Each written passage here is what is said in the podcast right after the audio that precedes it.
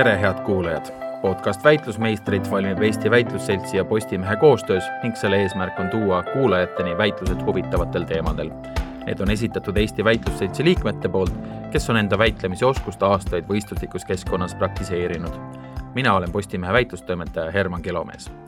tänase väitluse teemaks on presidenti peaks valima rahvas väitlevad kaks inimest, kelle puhul on oluline märkida, et nad väitlevad neile määratud pooltel ning ei esinda enda isiklikke seisukohti. podcasti esimene osa on salvestatud enne eriolukorra kehtestamist, aga kuna maailm on vahepeal üksjagu muutunud, oleme salvestanud ka väitlejate vahelise järelvestluse, kus nad arutlevad selle üle, kuidas nende argumentatsioon nüüd väideldes teistsugune oleks olnud. jaataval poolel väitleb Speaksmarti argumenteerimiskoolitaja Anna-Karolin, tere! tere päevast! ja eitaval Pärnu väitlusõpetaja Siim Ruul, tere! tere, Herman! ja jaatava poole avakõneks ongi sõna Annal juba kahe tuhande kahekümne esimesel aastal ootavad meid ees uued presidendivalimised. praegune valimiste kord on aga läbipaistmatu, see tekitab usaldamatust, meil ei ole tegelikult äh, väga head sisulist debatti presidendikandidaatide üle, sest nad esitatakse nii hilja ning nagu me viimastel presidendivalimistel nägime, sai valituks tegelikult kandidaat, kelle seisukohtadest me midagi ei teadnud, seetõttu, et valimiste protsess kukkus läbi. veel enam, me teame, et rahva seas on tegelikult mõte presidendi otsevalimisest väga populaarne ja nendele ideedele ma täna toetungi, väites, et tegelikult rahvas peaks Eestis presidenti valima. esimene põhjus, miks mul selleks on, on siis see, et president vajab legitiimsust selleks, et rahvast paremini esindada ja just otsevalimine selle Äh, siis meile pakub. et kui esiteks vaadata seda, äh, mis rolli president kannab, siis Eestis president on küll tseremoniaalne, aga sellegipoolest sisepoliitiliselt ja ühiskondlikult kannab tähtsat rolli. igal tähtpäeval ja olulisel pühal räägib meiega just president. ta tuletab meile meelde, milline on äh, Äh, milline peaks olema üks hea Eesti kodanik, äh, ta rõhub meie headele ja halbadele kohtadele, ta teeb sama ka poliitikutega. me leiame, et praeguses protsessis, kui president valitakse, ta tegelikult ei valita legitiimsetel alustel, see tähendab seda, et et need kaalutlused, mis erakondadel on, on sageli seotud kompromissidega, kuidas me saame presidendi ära teha, ehk siis niivõrd ametisse nimetada ja nii edasi. meie praegune protsess, kus kõigepealt valib presidendi Riigikogu ja see, seejärel valijamehed, on kummaline, sellepärast et kui presidendi eesmärk on võimu tasakaalustada, siis tegelikult selle tasakaalu valib seesama võim ise, ehk siis Riigikogu liikmed. veel enam, kui Riigikogu liikmetel see ei õnnestu, mis on, eks ole, juhtunud enamikel juhtudel äh, presidendivalimistel, siis valivad selle kohalikud äh, valijamehed, kes aga on Eestis valitud otsustama kohalike küsimuste, mitte üleriiklike presidendiga seotud otsuste üle. ja sageli on see tulemus tulnud kahe-kolme hääle pealt, mistõttu on tegemist väga napi ja kitsa mandaadiga. mina väidan, et kui president e-, esindab Eestis tegelikult olulisi ühiskondlikke seisukohti, mida inimesed peaksid kuulama, siis inimestel peaks olema ka võimalus rääkida kaasa selles, kes see isik on. me näiteks nägime, et viimastel presidendivalimistel taheti presidendiks valida suure enamusega Marina Kaljuranda, väga tasakaalukat mittepoliitilist kandidaati, aga valituks sai tegelikult Must Hobune, keda isegi ühiskondlikus debatis ei osalenud, sellepärast et Riigikogu ei jõudnud muidu kokkuleppele. see on ka põhjus, miks tegelikult siis umbes kaheksakümmend protsenti valijatest on toetanud presidendi otsevalimist. mina väidan, kuna president kannab Eesti ühiskonnas legitiimseid seisukohti, mida ta meile kõigile esindab, siis meil peaks olema ka õigus teda valida teine asi, mida ma väidan, on see, et kui me saame presidenti otse valida, siis see suurendab ka meie usaldust poliitilise süsteemi vastu. ma väidan, et see praegune koht, kus tegelikult president otsustatakse tagatubades, mõnikord isegi täiesti uskumatutel alustel, et siis sellisel juhul inimesed on pettunud presidendis, isegi kui tema seisukohad on väga aktsepteeritavad. me näeme, et ka praegu teistes riikides, nagu näiteks Iirimaa ja Soome, valitakse presidenti nõnda, olgugi et ta kannab tseremoniaalset rolli. ja minu arvates võiks olla ka nii Eestis kuna rahvas toetab, ta siis on suurem usaldus ja ka suurem legitiimsus. aitäh, Anna, Siimu leitavalt poolelt on võimalik nüüd Annalt küsitleda ja sa kasutad sellest ikkagi väga uhket sõna legitiimsus, ma korra lihtsalt huvi pärast, et kas viimased peaaegu kolmkümmend aastat siis äh, kõik Eesti presidendid ei ole olnud legitiimsed? Ei, aga, aga kui mõelda sellest, millised on need presidendile olulised väärtused, ma saan aru, et mõte on, et president peaks olema tasakaal Riigikogule, siis minu arvates tulenevalt sellest, kui killustunud Eesti poliitiline süsteem on, tegelikult seda funktsiooni ei ole suudetud täita. meil on pigem probleem sellega, et rahvas tunneb, et ta on poliitikast võõrandunud, neile ei meeldi poliitikute kraaklemine, nagu näitas hiljutine Emori äh, vabasfoormis elanikkonnast. ja seetõttu minu arvates on parem ja süsteemile kasulikum, kui inimesed saavad ise öelda, keda nad tahavad näha endale kõnesid pidamas äh,, üle Eesti neil külas käimas ja Eesti riigivõimu parimas mõttes esindamas kas me peaks siis äkki näiteks õiguskantslerit või riigikontrolöri ka valima rahva poolt otse, oleks läbipaistvam, oleks suurem legitiimsus, kes kontrollib meie riigi asju, kes ja... kaitseb meie põhiseadust mm? -hmm. no vaata, nüüd sa rakendad seda printsiipi väga ekstreemselt, et õiguskantslerid, kohtunikud, riigikontrolörid täidavad väga spetsiifilist rolli. see ei ole populaarsusvõistlus, nad tegelikult kontrollivad vastavust seadusele. president aga täidab esindusrolli.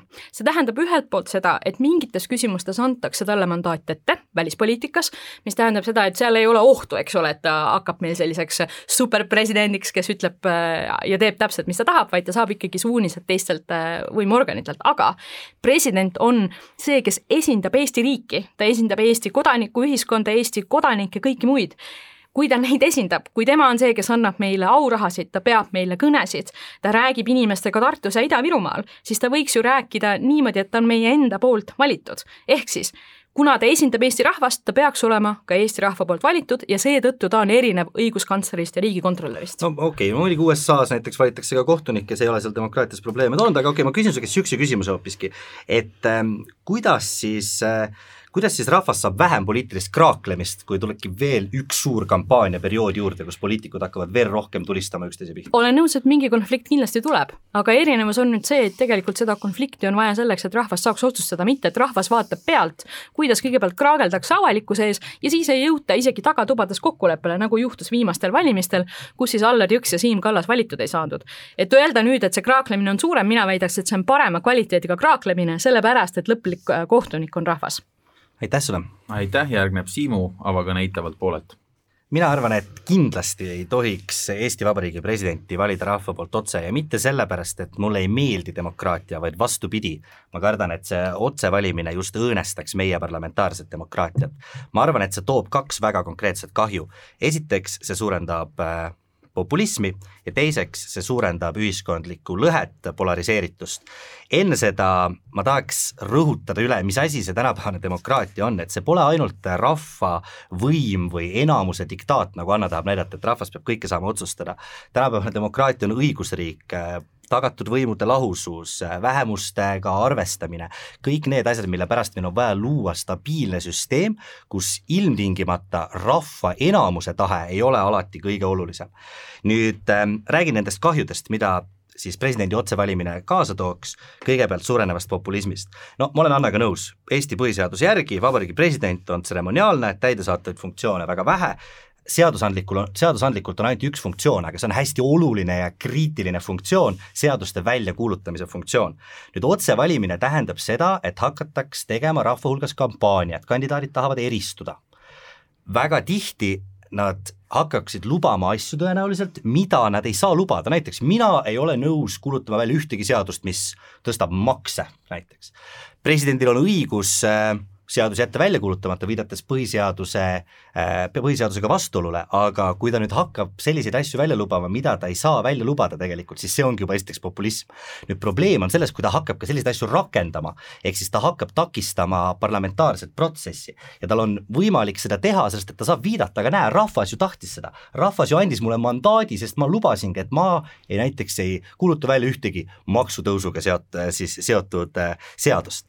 Ja seda nagu probleemi me näeme sarnastes parlamentaarsetes demokraatiates ka, Tšehhis ja Poolas, kus siis äärmuslased on kaaperdanud selle positsiooni ja see, seeläbi siis ka parlamentaarse demokraatia tegelikult pannud päris keerulisse olukorda. Teine argument, mis ma arvan, et on problemaatiline ja miks see rahva otsevalimine on halb mõte, on sellepärast, et äh, see suurendaks ühiskondlikku lõhet. presidendil on viimased äh, kakskümmend viis, kolmkümmend aastat olnud tegelikult päris äge roll Eesti ühiskonnast, on ühendada, olla selline poliitiliste kraaklejate ülene apoliitiline positsioon.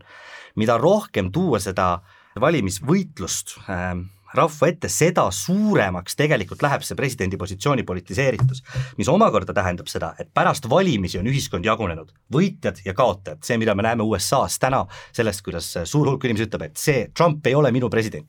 ja seda me Eestisse ei taha, me ei taha seda, et ühiskond oleks veel rohkem politiseeritud, veel rohkem äh, vastanduv ja presidendilt kaoks ära selline võimalus olla meie kõigi president, mida täna presidendid saavad. rahvas saab küll kaasa rääkida presidendivalimistes, ta teebki seda läbi parlamendivalimiste, kus ta valib endale esindajad, ja ta teeb seda läbi kohaliku omavalitsuste valimiste, kus ta valib endale esindajad. kui ta teeks seda otse, siis me saaksime palju keerulisema olukorda, ehk siis ärme tahame rohkem populismi, ärme palun tahame suuremat vastandumist, jätkame sama süsteemiga, aitäh! aitäh, Siim, ja nüüd on Annal võimalus Siimu küsitleda korra uurin, et eh, mis siis saab, kui president keeldub eh, seaduse kaks korda välja kuulutamast, kas seal ei ole mitte mingit kontrollimehhanismi, millega sinu argument see, tegelikult ära kaob? ei, ei vastupidi, Anna, vot see ongi see, millest sa ju aru ei saa, et sa ei kuulanud. absoluutselt, president, kui ta kaks korda jätab välja kuulutamata, eks, et kui Riigikohus on otsustanud, et ei ole põhiseaduse vastuolu, eks, siis otse loomulikult see seadus jõustub, eks.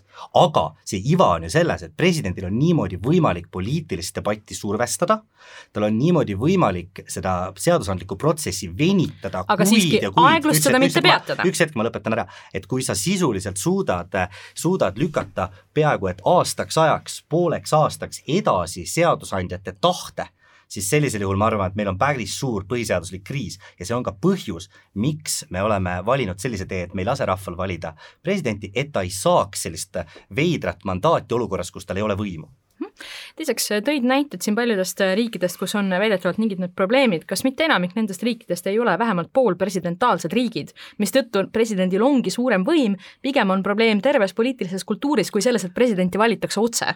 ma arvan, et siin A on nagu mitu aspekti, ma arvan, et näiteks Tšehhi näite puhul, mis on ju selgelt parlamentaarne riik, on meil ikkagi täpselt seesama probleem juhtunud, millest ma olen rääkinud. B, ma arvan, et näiteks Poola on väga hea näide sellest poliitilisest kultuuristusest, et sina tõid siin näited Soomest ja vist äkki äh, Iirimaast sellest, et, et näete, et seal ei ole midagi halvasti juhtunud. tõsi, halvasti pole juhtunud, aga meie, mina paigutaks meie poliitilise kultuuri pigem siia Ida-Euroopa raamistikku, aga veel enam, kõige olulisem on ju see, et meil oleksid olemas sellised kontrollimehhanismid, et seda ei saaks ka mitte kunagi halvasti aga, juhtuda. no hästi, aga siis kui sa ütled, et Tšehhi on see hea näide, selgita, mis täpselt Tšehhis on juhtunud? Tšehhi probleem ju ongi selles, kuidas äh, Tšehhi president on muutunud A hästi äh, selgeks poliitiliseks figuuriks, mitte olles siis tegelikult selline ühendav funktsioon. Ja veel enam, Tšehhi president on ka polariseerinud Tšehhi rahva hästi tugevalt. Kaheks vastanduvaks leeriks, kelle ühe jaoks ta kindlasti president ei ole, mis on siis ka tegelikult Tšehhit liigutanud väga tugevalt sinna anti-Euroopa Liidu poolele kena, nüüd on meil aeg vabas vormis dialoogiks. ma võib-olla alustan dialoogi, kuna sa olid see, kes viimati rääkis, et korra tuleks selle populismi juurde, et kui mm -hmm. korra mõelda, milliseid kandidaate on senini rahvas kõige populaarsemaks pidanud, näiteks nagu Marina Kaljurand, enne teda Toomas Hendrik Ilves Arnold Rüütli vastu, millest tuleb see arusaam, et et tegelikult äh, nüüd otsevalimine toob populismi. tegelikult see paistab, et rahvas saab väga hästi aru, et president peab olema ühendaja, toetatakse häid kandidaate. veel enam, kas populism ise ei teki sellest, kui inimesed tunnevad, et süsteem on võõrandunud ja neid ei kuula, aga just presidendivalimiste kaudu tegelikult saadakse suurim sõnaõigus neid esindava äh, organi valimiseks? ma, ma, sul on tegelikult kaks küsimust, eks äh,, kui ma võtan selle esimese küsimuse, siis ma arvan, et äh, kui, äh, kui viimased presidendivalimised olid, kui Marina Kaljurand oli hästi populaarne, siis äh, ma arvan, et see oli sellepärast, et kõik poliitika raske kahurvägi ei tulnud välja, sest et valimiste süsteem oli selline. kui Edgar Savisaar oma kõrghetkedel oleks olnud äh, presidendikandidaat, oleks Edgar Savisaar olnud, ma arvan, nende samade populistlike lubaduste tõttu Eesti Vabariigi president ja sama näiteks ma arvaks juhtuks Mart Helmega, ma ei tea, kas Kaja Kallas suudaks konsolideerida nii palju hääli sinna enda taha, et ma arvan, et et see on see vastus su esimesele küsimusele, et lihtsalt Marina Kaljuranna populaarsus ei olnud mitte sellest, et rahvas sai aru, et me tahame sellist neutraalset apoliitilist kandidaati, kes muidugi kohe astus edasi, eks ole, äh, sotsiaaldemokraatidesse, nii et ma ei arva, et see apoliitiline on siin üldse päris hea nagu analoogia ähm,. vaid lihtsalt sellest, et kõik ei olnud, kõik nagu suuremad poliitilised jõud ei olnud väljas, aga nüüd nad kavatsevad oma suurema poliitilise jõuga välja panna või kõige ägedamad esinumbrid. teine osa su küsimusest, äh, sellest, et kas rahvas, äh, rahvas või populism suureneb siis, kui rahvas tunneb ennast kaugendatuna. ma arvan, et, ma arvan, et see on iseenesest tõsi, et kui rahvas tunneb, et ta on poliitikast kaugel, siis ta muidugi, muidugi see suurendab populismi võimalust. Ma arvan, et seda saab lahendada palju lihtsamate meetoditega, ma arvan, et see, et täna on tehtud või eelmistel valimistel tehti väga halba tööd ja see muutis poliitika hästi ebapopulaarseks, siis ma arvan, et Riigikogu erakonnad on sellest ka õppinud ja tuleks natuke paremini seda protsessi läbi viia, kaasata rohkem äh,, toimida paremini, veel enam, see Kersti Kaljulaid, kes tuli täiesti musta hobusena, on täna rahva hulgas väga populaarne, kuigi temast ei teatud enne valimisi mitte midagi. et ma arvan, et see ei ole, see ei ole, see presidendivalimised ei ole jätnud Eesti poliitikale suurt probleemi, vaid mingid muud päevapoliitilised küsimused. Ma korra võib-olla vastan sulle enne edasiliikumist, et kas, kui me vaatame seda, et kui väidetakse, et EKRE on võib-olla sellise poliitilise võõrandumise tulemus äh, ja selle tagajärjel just, et paljud valijad, eriti maapiirkondades, on tundnud, et nende huvisid ei ole aastaid arvesse võetud, kas näide sellest, et Edgar Savisaar oleks saanud presidendiks ja tegelikult seda parempoolset valitsust tasakaalustanud, ei ole pigem näide sellest populismist, vaid olekski näide reaalsest poliitilisest tasakaalust, pidades silmas, millised koalitsioonid meid seitse aastat vali-, äh, seitseteist aastat, vabandust, valitsesid. ja teiseks, oota, ja teiseks, äh, et kui me jah, vabandust, äh, vastan no, tegelikult. see point oli, ma olen nõus Edgar Savisaar Eesti äh, presidendina oleks väga äge tasakaalustus, kui meil oleks selline riik, parlamentaarses riigis ja täpselt nii, nagu me oleme ise ka öelnud, meie presidendi võim on väga piiratud ja me ei taha seda tasakaalustatust. me ei tahagi seda, et president saab väita, et tal on justkui rahva mandaat astumaks üle meie põhiseaduslikult seatud piirangutest või takistada siis äh,, takistada siis seadusandja tööd. et ma arvan, et see tasakaal, mida me oleksime saanud, ei oleks olnud mitte tore positiivne tasakaal, selle jaoks oligi meil parlamendis asjad tasakaalus, vaid see olekski olnud põhiseaduslik kriis, mis oleks meid palju keerulisemasse seisu pannud. ma ise kahtlustan, et see sinu see väide põhiseaduslikust kriisist on tegelikult ikkagi natuke ekstreemne. et võib-olla nüüd väga naljakas näide teiselt poolt, et kui meil on näiteks Eurovisiooni eelvoor, Eesti Laul, ja inimesed hääletavad Eesti Laulul, nad saavad hääletada ka selle poolt, et mis on parim laul, mille järgi tantsida, või mis on parim laul, mis võidaks Eurovisiooni, siis mis me sageli märkame, on see, et inimesed on võimelised eristama ja tegelikult tegema hea valiku, mis on tasakaal mõlemast. samamoodi, kui me vaatame teisi otsedemokraatia näiteid Eestis, nagu näiteks rahvakogu, kogu, kus inimesed juhuvalmi äh, tagajärjel kokku tulid, ka siis tegid inimesed tasakaalukaid otsuseid. et see mõte sellest, et nüüd saavad mingisugused põhiseadusliku kriisi loojad võimule, minu arvates on ekstreemne loogika, Eesti inimene ei ole rumal sina ütled, et erakonnad üritavad õp õppida, mina väidaks seda, et tundub, et erakonnad üritasid ka sel korral, läks veel hullemini. ei saadud isegi valijameeste kogus kokkuleppele. ja minu arust äh, sinu selle Eurovisiooni analoogiale mul on ainult üks ümberlükk ja selle nimi on Letosvet, Eto Letosvet. Eesti inimesed valisid päris kohutava loo, kõigist nendest aspektidest, millest sa rääkisid, sest nad olid populaarsed telenäod, aga mulle mulle nüüd, tundub, et statistiline ekstreemum siin ei ole nagu no, hea näide, et vaatame ikkagi päris, mitukümmend päris, aastat praktikat. no päris palju, päris palju jama, no ma, ma ei ole ilmtingimata selle viimase looga ka rahul, aga see ei ole tänase väitluse teema. ühesõnaga, äh, mul on hoopis üks teistmoodi küsimus, et, äh, et seesama legitiimsuse probleem, et ma korra võtsin selle ristküsitluses ka nagu üles, et kas see legitiimsus ei ole siis juba tagatud läbi selle, et rahvas saab valida endale esindajaid Riigikokku, saab endale valida esindajaid kohalikku omavalitsusse ja presidendil on ka väga spetsiifiline funktsioon, väga spetsiifiline põhiseaduse kaitsev funktsioon seadusandluses, mis tähendab seda, et äh, ta ei erine kuigi palju riigikontrolörist, erine kohtunikeks, kohtunikest näiteks või ei erine näiteks õiguskantslerist, kellel on ka väga spetsiifiline funktsioon. ehk siis needsamad piirangud, kes saab saada presidendiks, jääks jõusse, valiks ka nemad. ma tahaks Eesti inimesena saan saada suuremat läbipaistvust, et mul oleks õige õiguskantsler, see, keda mina just tahan. ma ütleks niimoodi, õige, ei õiguskantsler ega riigikontrolör ega ka kohtunikud ei pea Eestis, ma ei tea, vähemalt viis kuni seitse korda aastas väga tähtsaid kõnesid, mille jaoks me kõik paneme ennast ilusasti riidesse, sööme kiluvõileibu ja sõltuvalt aastajast hüppame üle lõkke. mina ütlen seda, ma olen sinuga nõus, et kui president täidaks mingit väga spetsiifilist seaduse kontrolli rolli, võib-olla me tõepoolest oleks see okei okay.. aga esiteks, kui me valime Riigikogu, siis me tegelikult valime poliitikaid, üleriiklikke poliitikaid. kui me valime kohalikku omavalitsusse, kohalikku omavalitsust, siis me valime kohaliku taseme poliitikaid. aga president mängib sellises mitteametlikus arvamusruumis meie riigis väga suurt rolli ja tõepoolest, ma olen sinuga nõus Eesti rahva ühendajana. aga mina väidan, et just see, et tal on see esindusfunktsioon, et ta saab meile öö, oma erinevate tseremoniaalsete rollide tuletada meelde seda, mis asi on olla hea kodanik, kuidas olla hoolivam, kuidas tegeleda sellega, et perevägivalda oleks vähem, siis ta selles suhtes on ikkagi legitiimsust nõudev positsioon. ja ta on see, mille osas inimesed lihtsalt tunnevad, et ta mõjutab mind.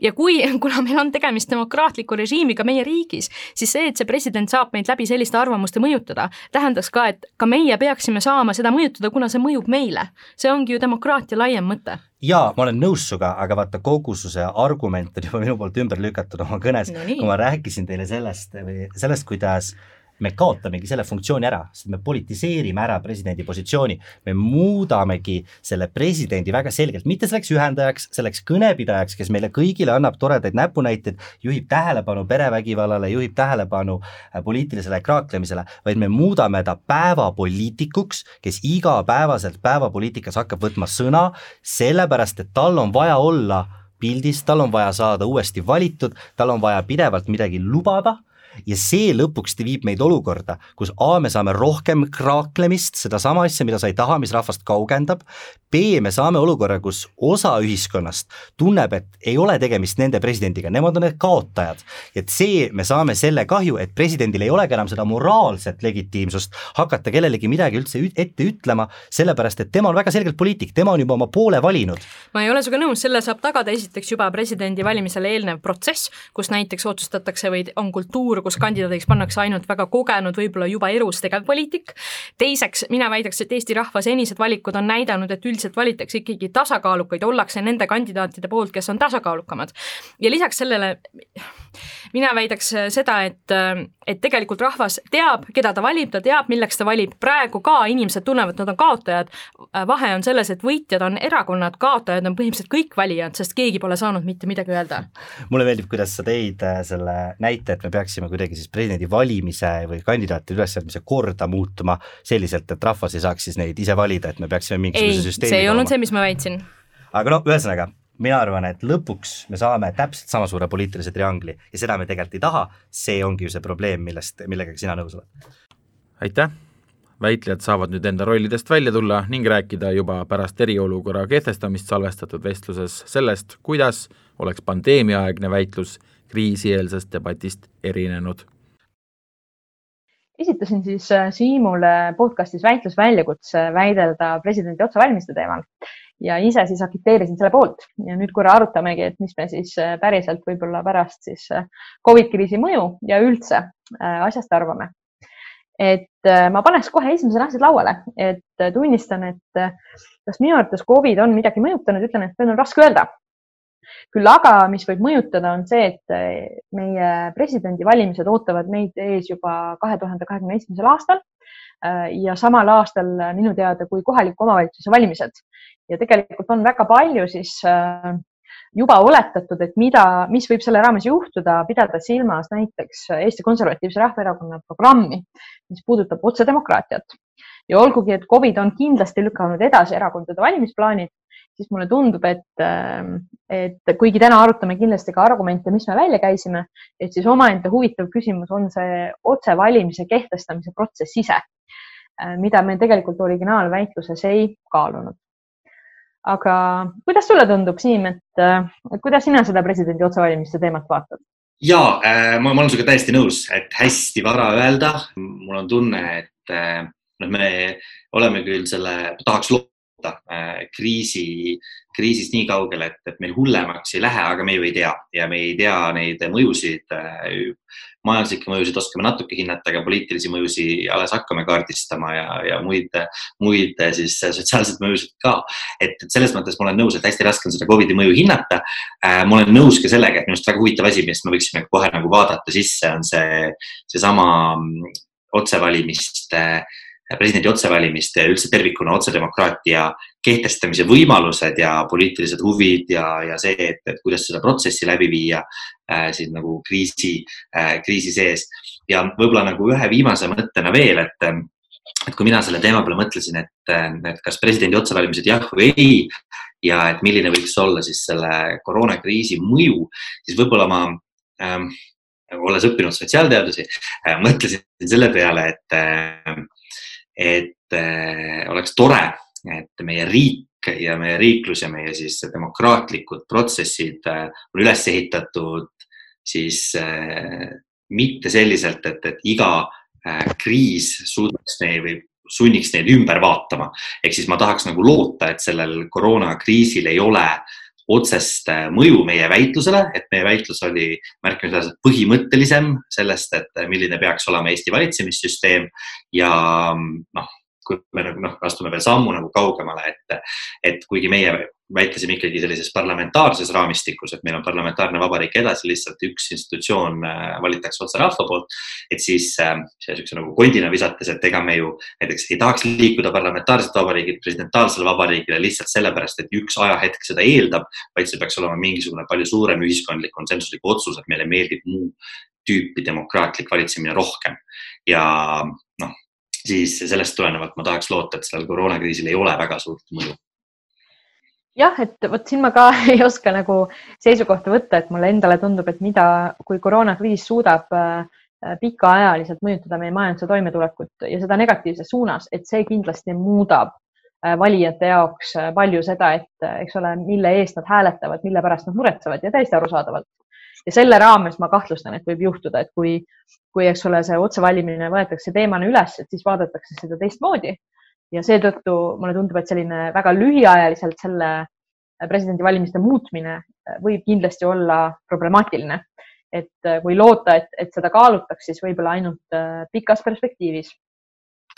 ja äh, võib-olla siia nagu otsa ka, et ähm, et noh, eks me rääkisime vist oma selles väitluses päris pikalt ka sellest populismist ja võimal-, võimalikest ohtudest ja populismi ohtudest äh, sellisele parlamentaarsele demokraatiale kui ja Eesti parlamentaarsele demokraatiale, kui presidendi otsevalimine toimiks, et, et ähm, noh, see, mis sa kohe päris alguses markeerisid, et, et juba see protsess ise äh, tõenäoliselt kätkeb endas sedasama populismi ohtu, äh, kui seda, seda nagu otsevalimiste temaatikat rahva ette visata.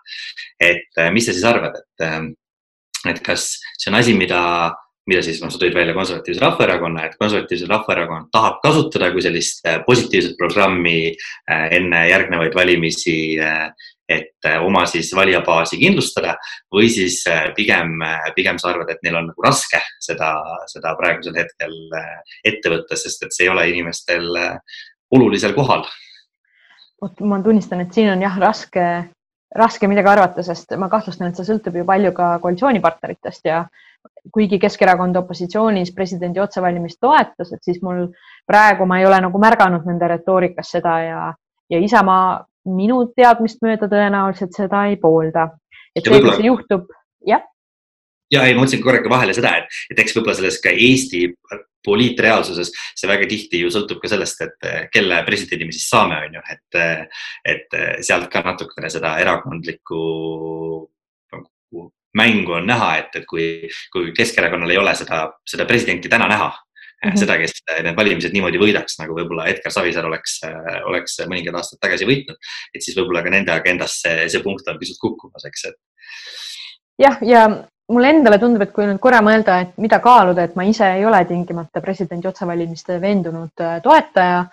minu arvates võib-olla see valik läheb selle peale, et meil on nagu ühed funktsioonid, need president kui näiteks mingite seaduste kinnitaja või natuke ka valveorgan selle osas, et kuidas seadus vastab äh, põhiseadusele ja rahvusvaheline esindaja ja teisalt, eks ole, rahva ja ühiskonna arvamuse peegeldaja ja rahvale lootusandja, nagu mõnes riigis on, eks ole, äh, kuninglikud perekonnad, kes siis äh, raskel ajal, eks ole, oskavad tegelikult inimestele midagi öelda ja on võib-olla püsivamad kui tegevpoliitikud.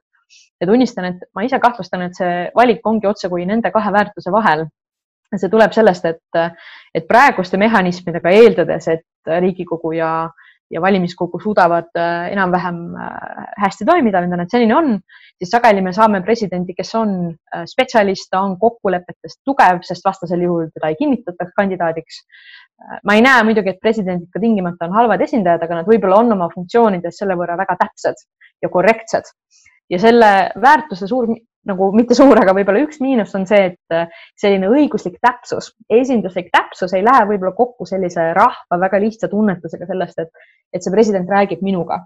et näiteks Ülle Madise puhul me teame, Ülle Madise arvamused on erakordselt põhjalikud ekspertarvamused, aga kas võib-olla ta sellele lihtsale inimesele nagu äh, just annab seda tunnet, mida see inimene võib riigist äh, tahta, vot ei tea ja teisalt, eks ole, otsevalimiste kaudu võib juhtuda, et me saame endale presidendi, kes räägib rahvaga, kui me kasvõi mõtlemegi jah sellele, et, et kunagi Edgar Savisaar oleks saanud, aga pidades silmas selle isiku konfliktsust, mida ta võib olla siis äh, millega ta võib olla siis poliitikas nagu ilma teinud selleks, et olla populaarne, võib-olla, et ta ei täida neid teisi ameteid väga hästi.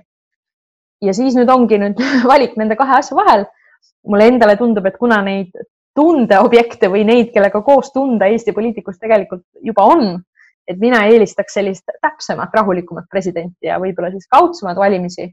aga võib ka juhtuda, et tänapäeva poliitikas tegelikult inimesed ikkagi otsivad seda tunnet ja kindlust ja et mina valisin ja ma, ma olen sinuga nõus ähm,. selles mõttes, et sarnaselt sinule, ma ei ole ka otseselt, et väitluses me pidime mingitel pooltel olema, aga et äh, ma otseselt ei, ei ütle ka, et äh, kindlasti ei tohiks mitte kunagi Eesti rahva sisepresidendi valimisel kaasa rääkida ja ju tegelikult ütleb nii läbi, äh, nii või räägib kaasa nii läbi Riigikogu kui, kui siis valimiskogu ja kohalike omavalitsuste esindajate. et võib-olla nagu huvitav mõte, mis meil tegelikult väitlusest veel läbi ka ei käinud aga mis ei ole otseselt selle koroonakriisiga seotud, aga annab selle nagu perspektiivi sellesse, mis me rääkinud oleme, on ka see, et need järgnevad valimised on ju pisut erinevad.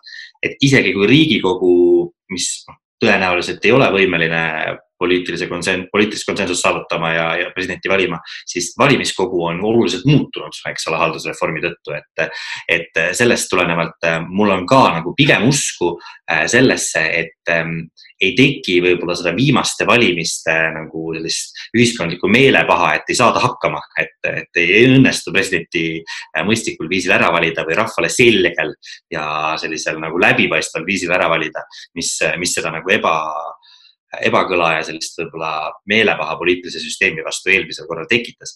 Mm, ja, ja tõsi, eks, et see valik on, valik ongi selle vahel, mida sa kirjeldasid, eks ole, et kas, kas see oma mees, oma naine seal, kes, kes otseselt, kes, kes on mulle nagu lähemal või samal ajal siis see ekspert, kes täidab neid põhiseaduslikke funktsioone, mis talle antud on. mina tahaks loota, et me ei tee selliseid valikuid nagu siukses kriisi südames, vaid alati nagu läbi, läbimõeldult.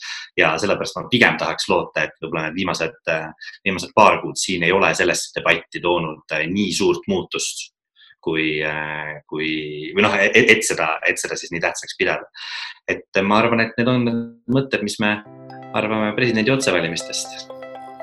just, et, et siis seni järgitakse, et, et vot seda me ei tea, kas presidenti saab otse valida ja valimised on meil kõvasti aega, aga et siis omalt poolt ütleme, et kui kedagi saab valida, et siis ikka minge. et äh, olgu. minge valima, muidugi yeah,. valida tuleb kindlasti. kõike, mida saab